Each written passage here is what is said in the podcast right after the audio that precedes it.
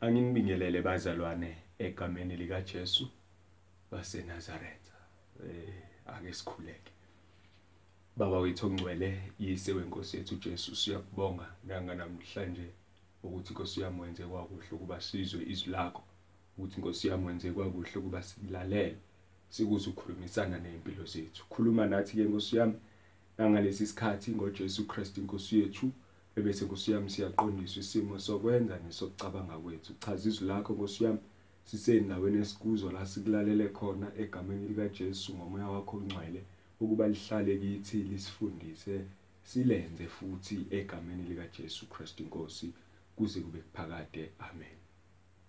Bazalwane namhlanje sizofunda eh incwadi ngokuka John chapter 21 eh verse 1 to 14 ngizofunda indaba ende bazalwane kodwa ngiyathembisa angimude kufundeka ke khona kanje. Emva kwalokho uJesu wabuye wazibonakalisa kubafundi ngaselwandle lwaseTiberiya wazibonakalisa kanje kwakukhona ndawonye uSimon Petro noThomas othiwa uDidimu noNathanieli waye wasekhana laseGalile nabakaZebedewu nabanye ababili kubafundi bakhe. uSimon Petro wathi kubo ngiya kodoba bathi kuye nathi sihamba nawe base bephuma bengena emkhunjini kepha ngalobo busuku ababambanga lutho Uthe sekusa uJesu wayemi ogwini kepha abafundi babengazi ukuthi nguJesu. UJesu wathi kubo, "Bantwana, aninakho ukudla na?" Bamphendula bathi, "Qha." Wayesethi kubo, "Phonsani inetha ngakwesokunene somkhumbi, niza kuthola." Bese baphonsa. Ababe besaba namandla okulidonsa ngenxa yobuningi bezinhlanzi. Khona lo mfundi uJesu amthandayo wathi kuPetru, "Inkosi." uSimon Petru ekuzwa ukuthi inkosi waqoka ngokuba wayehambaze waziphosa elwandle. Kepha abanye abafundi beza ngesikepe ngokuba babengekude nenhlabathi kepha kungathi izingalo ezingamakhulu amabili bedonsa inetha linezinhlanzi. Uthe sebephumele emhlabathini babona umlilo wamalahle nezinhlanzi zibekwe kuwo nesinkwa.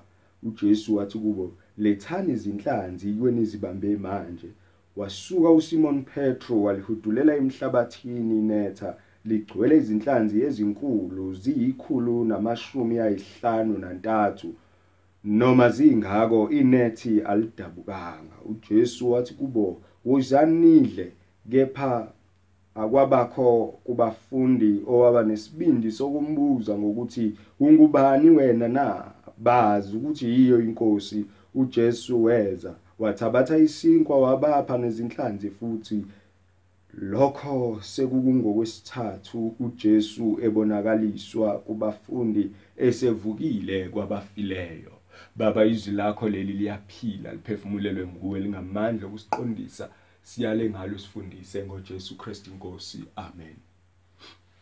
Bazalwane sifunde eh kuivangeli ngokuka John uma sifunda ivangeli ngokuka John eh siyaye sibone ke noma mhlawumbe siyaye sizwe ukuthi inhloso yokuthi uJohani abhale ivangeli lakhe ukusivezela ukuthi uJesu noma uKristu uyindodana kaNkuluNkulu. Uma sikholwa uye siyakuba nempilo engunaphakade. Lapho ke esifunde khona bazalwane eh kuJohn chapter 21 sithola uJesu ezibonakalisa okwesithathu kubafundi bakhe njengokuloba kukaJohane. Kodwa ke ngifuna ukuthi eh uma ezibonakalisa okwesithathu uJesu kule ndaba esiyifundile sihlanganise nendaba kaJesu ezibonakalisa futhi engakashoni uma ezoqala iministry yakhe emhlabeni. Lana singaphambanisi bazalwane uJesu uzibonakalisa usevuka ethuneni. Eh okwesithathu uyaziveza kubafundi bakhe njengobesho uJohani eh kodwa ngifuna sihlanganise nendaba esiyithola kuLuke chapter 5 verse 1 to 11 la khona uJesu ezoqala iministry yakhe elanda eh, abapostoli noma abafundi bakhe ukuthi eh, kuLuke chapter 5 sithola izicuku ziminyanisa uJesu emva kokumbona eh lula abantu abagulayo ebaphulokisa ebakhulekela and manje ke ungasolwandle. kuLuke chapter 5 mefika ngasolwandle ixuku ziyaminyanisa lapho and ufuna ukuzifundisa. Mezifundisa ufica abadobi bahlele emkhumbini yabo bageza amanethe kade bedoba ubusuku bonke. Abangabamba lutho. Usethi ke mengene emkhumbini kaPetru ongakabi umfundi wakhe ngalesikhathi manje uthi ke eh, kuye awubeke umkhumbi wakho ngasemanzini uthi ukusuka kancane eh, emhlabathini owomleyo ukuze ngizokwazi ukufundisa. And uJesu kuyafundisa ke lapho abantu uma ebafundisa kuLuke chapter 5 uyabafundisa ke abantu emkhumbini. Meqeda usethi kulabadobi ke abaficela behleli begeza amanethe emkhumbini yabo. Usethi kubo eh qhubekelani ekujuleni ebese niphosa amanethe enu nibambe. Uthi uPetru ke Nkosi sesihlalela ubusuku bonke sesishikile ubusuku bonke sizama kodwa asibambi lutho. Kodwa ke uma usho wena noma ngezwi lakho siyakwenza lokho. Uma ke ebekwenza lokho lithi iBhayibheli babamba uma bewaphosa amanethe einhlanzi zabaningi ngangendlela yokuba kuze kuqhamuka amanet ababedoba ngawo. Uma eqhamuka amanethi bafikela ukwesaba ukuthi ubusuku bonke lezi inhlanzi bezingekho. Ngazi ukuthi bafikelwa yiloya mbuzo abake bawubuza ukuthi kanti lona ungubani? Ulwandle nomoya kuyamlalela. Manje ke uma kunjalo labafundi laba bayafikela ukwesaba. uPetrus uthi suka kimi inkosi ngoba mina ngingumuntu wosizi noma ngingumuntu omubi ogcwele ububi. Kodwa uJesu akamlahli ngaphandle ngoba nansi into eyenzakalayo bazalwane uma sihlangana noJesu we are convinced of our sins. Mahlangana noJesu siyazibona ukuthi sizoni. Mahlangana noJesu siyabona ukuthi sibabi kangakanani. Le ndaba ingikhumbuza indaba kaGenesis chapter 3 eh, uma umuntu ewela esonweni uma uNkulunkulu efika kumuntu umuntu esesonweni umuntu uyacasha ngoba uyazi umuntu ukuthi umrombi umrongile uNkulunkulu noma wenze okubi kuNkulunkulu. So umuntu ke uyacasha uAdam noEva bayacasha bathi hayi sizwe nkosi yami uqhamuka sase sicasha ngoba sinqunu. Okusho ukuthi useza ukuthi uNkulunkulu nidlile yini kumuthi engithe ngingadli kuwo. So uma siya kuNkulunkulu sifike sizibone ubunjalo bethu. So le ndaba le chapter 5 isikhombisa lokho ukuthi uPetru wathi uma embona uJesu wathi suka kimi uma esembulelekile ukuthi cha lo this is not just an ordinary man kodwa umuntu noma uNkulunkulu uqobo lo. Ingakho phela ngithe uJohane ubhala ukusivezela ukuthi uJesu unguKristu uqobo futhi uyindodana kaNkulunkulu. Singakho ke ethi uPetru suka kimi inkosi ngokuba ngingumuntu omumbi.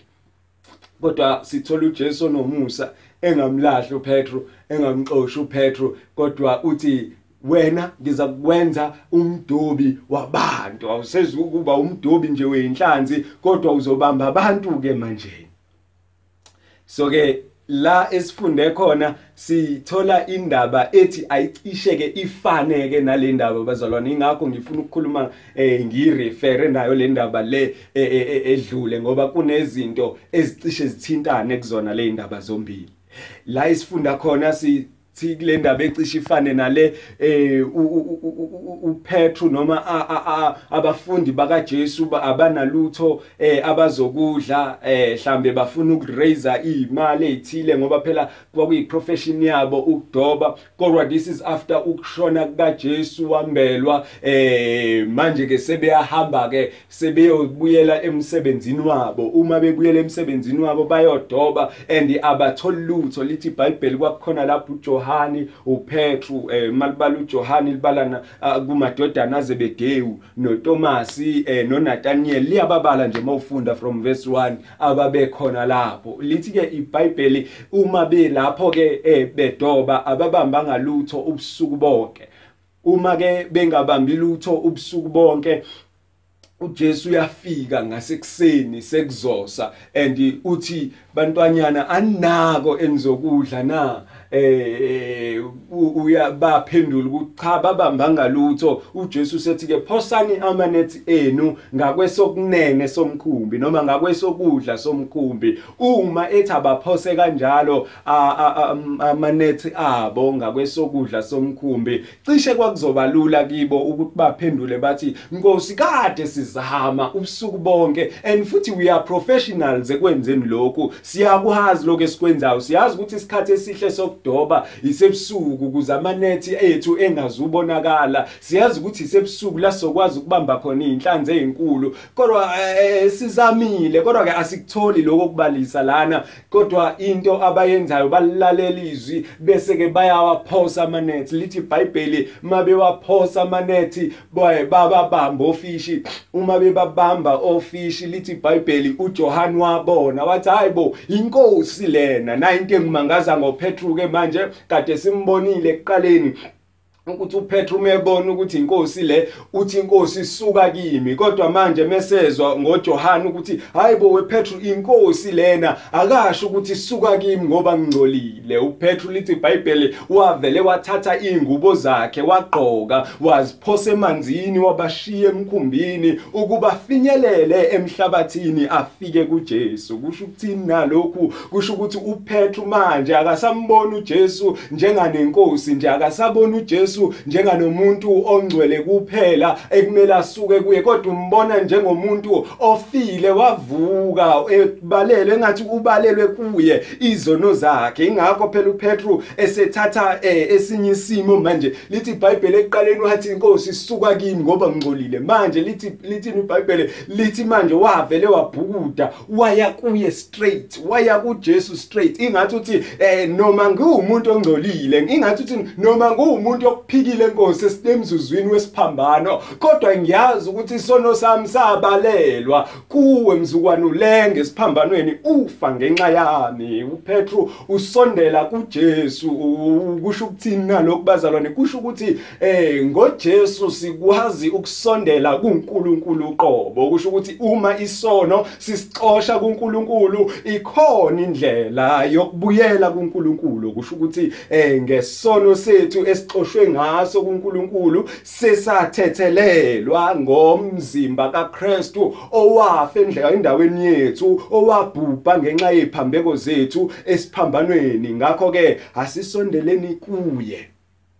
Ukuvuka kukaJesu kusho ukuthi sesinelungelo kokulokuya kuNkulunkulu. Kuvuka kaJesu noma uJesu ovukile eh, endabeni yakhe yokuzibonakalisa namhlanje sifunda ukuthi sesiyakwazi ukuya kubaba sithi baba eh singabantwana bakho noma sesiyakwazi ukuya kubaba sibike konke singambikela kona ngoba usesibuka ngomusa ngoJesu Kristu owafa endaweni yethu. Ingakho ke la ngibone kubalekile ukuthi sikhulume ngale ndaba bazalwane ukuthi uPetru akasabaleki manje akasathi inkosi isuka kimi kodwa useya kuNkulunkulu. Ngathi uthi nezono zami zonke ziba ziphethwe yimi ngiya kuNkulunkulu ngoba ngiyazi ungumthetheleli ngoba ngiya kuNkulunkulu ngoba ngiyazi ukuthi kuye kunenjabulo. Khona ukuthula akukho ukuxokozela kumnandi kunenduduzo epheleleyo. Uya kuJesu bengabambanga lutho useya kuJesu ke and ubashiya ngemumva abanye abafundi.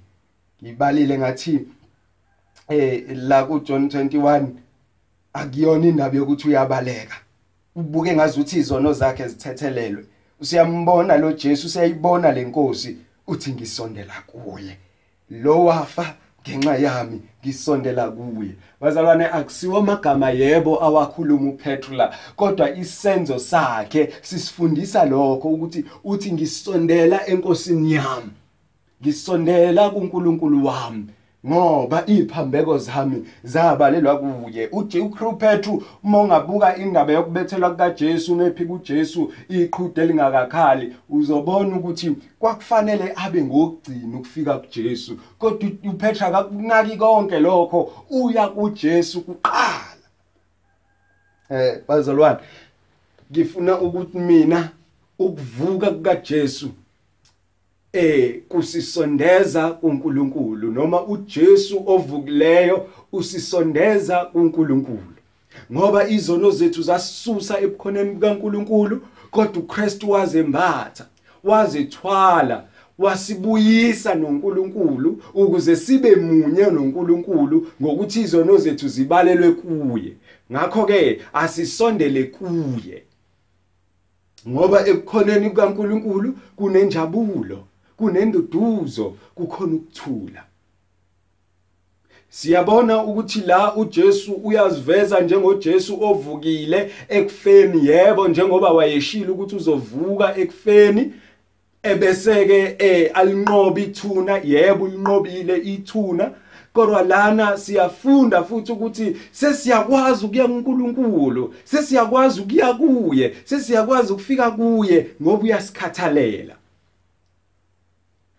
Azalwane ingakho ngithi mina eh asisondele kuye. Noma uJesu ovukileyo namhlanje na usifundisa abazalwane ukuthi masingakwazi ukusondela kuNkulunkulu.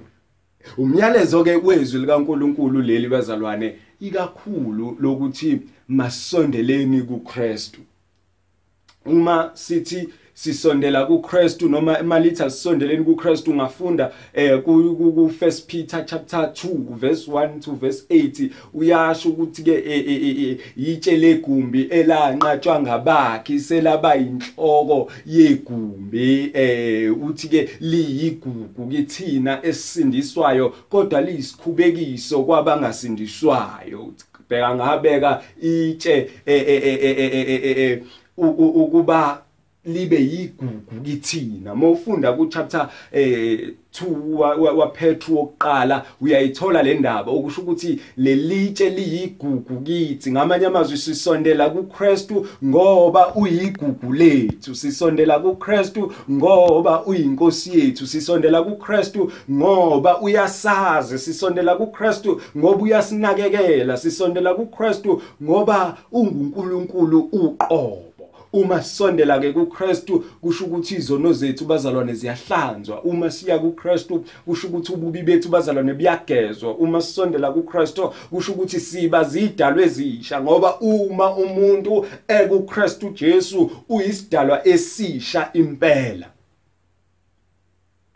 Yilokho esikufundayo bazalwane ukuthi masisondeleni kuye owasondela kithi kuqala wasilanda ezonweni. Yebo sikhuluma ngoJesu nje sikhuluma ngeseries eqhubekayo nje ukuthi uJesu waqhubeka wavuka eh waziveza phambi koThomas baze waze wathi abathinte ukuba babone ukuthi uye wazi wafuna ukudla wahlala phakathi kwabo. Kodwa sifunda olukhulu namhlanje na ukuthi uJesu ovukile bazalo usifundisa ukuthi masisondele kuye ngoba kuye khona ishelter phela idwala leli.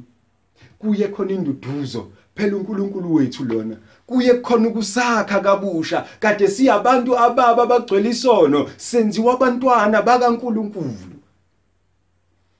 Sisondela kuKristu ngoba uyazazi izidingo zethu bazalwane.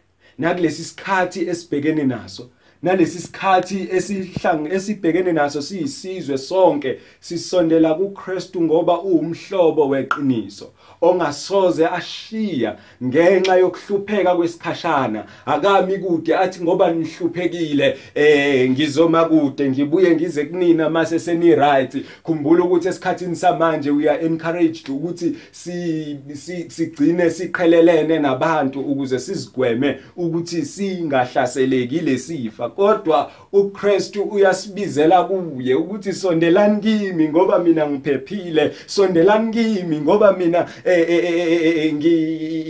angitheleleki lesifo futhi ngiza kunelapha iloko esikufunda ngecharacter yaPetru labazalwana ngazi ngizoyichaza ngiyithini kodwa nje injalo le ndaba. uPetru sikhombisa lokho ukuthi we can come to him as sinful as we are. We can come to Christ. Siyabantu ababukeka bebabi bengcolile ase asenze izidalwa ezintsha asenze abantu abangcono asenze amakholwa aqinile asigcinise ukukholwa kwethu. Nakulesi sikhathi kwesinye isikhathi sizovukelwa sikhulunywe kabi kodwa masiye kuKristu sizithobe. Kuzokwenzeka konke okwenzakalayo kodwa masiye kuKristu sizithobe. Simbikele konke. Siya ke kuKristu bazalwane hayi ngoba singcono. Siya kuKristu bazalwane hayi ngoba singenazi izinto ezinhle. Siya kuKristu bazalwane hayi ngoba sibabi kuphela kodwa siya kuKristu ngoba iyinkosi futhi noma kunemthwalo esisindayo noma kunezinto ezigqilaza impilo yethu sikwazi ukuya kuNkulunkulu sithi inkosi lokhu kuyangihlula sikwazi ukuya kuNkulunkulu afika silungisele impilo yethu ngoba yena uyinkosi khumbula laba kade behluleka ukubamba ubusuku bonke kodwa mase fikile uKristu isimo siyashintsha. Mesefikile uKristu bafike bayakwazi ukubamba and lithi iBhayibheli babamba izinhlanzi eziningi about 153 and inethi ayigqabukanga. Uma sebebambile babona ukuthi inkosi bagijima bayakuye mabefika beyakuye bafika usebalungiselele isidlo sasekuseni. Ngobani? Uyazazi idingo zethu. Uyazi ukuthi kade behlele emanzini labantu bayagodola. Lithi iBhayibheli bafike bas basile. Labantu balambile lithi iBhayibheli wafika esezosile ezinye inhlanzi phezukwalezi abayibambile. Okusho ukuthini? Okusho ukuthi ngempela uyasazi ngempela uyazazi izidingo zethu and usinikeza ngokufanele bazalwane asondeleni kuye uKristu oyinkosi nomsindisi weimpilo zethu. Ilokho esikufundayo ngoJesu ovukile namhlanje na ukuthi uJesu ovukile usibizela kuye. Ukuthi uJesu ovukile uyazazi izidingo zethu. Ukuthi uJesu ovukile ungumhlobo weqiniso. Akayikushiya noma sizibuka sisodwana noma sizibuka sifanele ukuba abantu abakude ngenxa yesono. Kodwa uJesu ovukile uthi you are accepted ngoba ngazithwala iziphambeko zakho. Ngabetshatha obuhlungu bakho ukuze wena ube nokuphila okuphakade Nkosi yomusa mayinibusise bazalwane imgcini nilondoloze sihlale sisondela kuKristu oyinduduzo yethu. Sihlale sisondela kuKristu oyiqiniso lethu. Ngoba phela induduzo yethu epheleleyo ingeyokuthi asesiyo abethu. Kodwa singabomsindisi wethu Jesu Kristu owafa wavuka. Sathethelelwa thina iphambeko zethu asikhuleke. Baba siyabonga. Egameni lika Jesu ukuthi abeza kuwe abasoze bajabhiswe beza kuwe wabapha amandla bokuba babe ngabantwana bakaNkuluNkulu. Baba wethu ongcwele ngecharacter kaPetru eveziwe la ukuthi wathmezwe ukuthi uwe Nkosi waziphose emanzini ukubaze kuwe. Sifundile Nkosi yami ukuthi nathi singakwazi ukuziletha kuwe. Regardless of isono sethu singakwazi ukusondela kuwe. Baba wethu ongcwele zifike zihlanzwe izono zethu. Usigeze usigezisise sibe ngabangcwele sibe ngabangcono. Baba egameni lika Jesu Kristu waseNazaretha sisondela kuwe. Nangalesi sikhathi siza kuwe Nkosi yami nezinkinga zethu siza kuwe Nkosi yami nezinhlupho zethu siza kuwe Nkosi yami nenjabulo yethu siza kuwe noqobo lethu. Yasazi sifuna wena Nkosi yami sakhe usilondoloze usigcine. Usifundise Nkosi yami ukugcina imiyalo yakho egameni lika Jesu Christ usifundise Nkosi yami ukwenza njengalokhu siyala ngoJesu Christ inkosi phakama nangalesi sikhathi ubusisa abazalwane uba providele uNkulunkulu wethu ongcwele kuko konke abakusweleyo egameni lika Jesu senze ukuba sidumise igama lakho ngoJesu Christ inkosi siyabonga ukuthi walinqoba ithuna wavuka ethuneni. Ithuna lisenamandla. Baba wethu ongcwele thina sesijabulisiwe ngoba wena wafa endaweni yethu. Thatha udumo ke nangalesikhathi kuze kube phakade. ngoJesu Kristu inkosi yethu. Amen.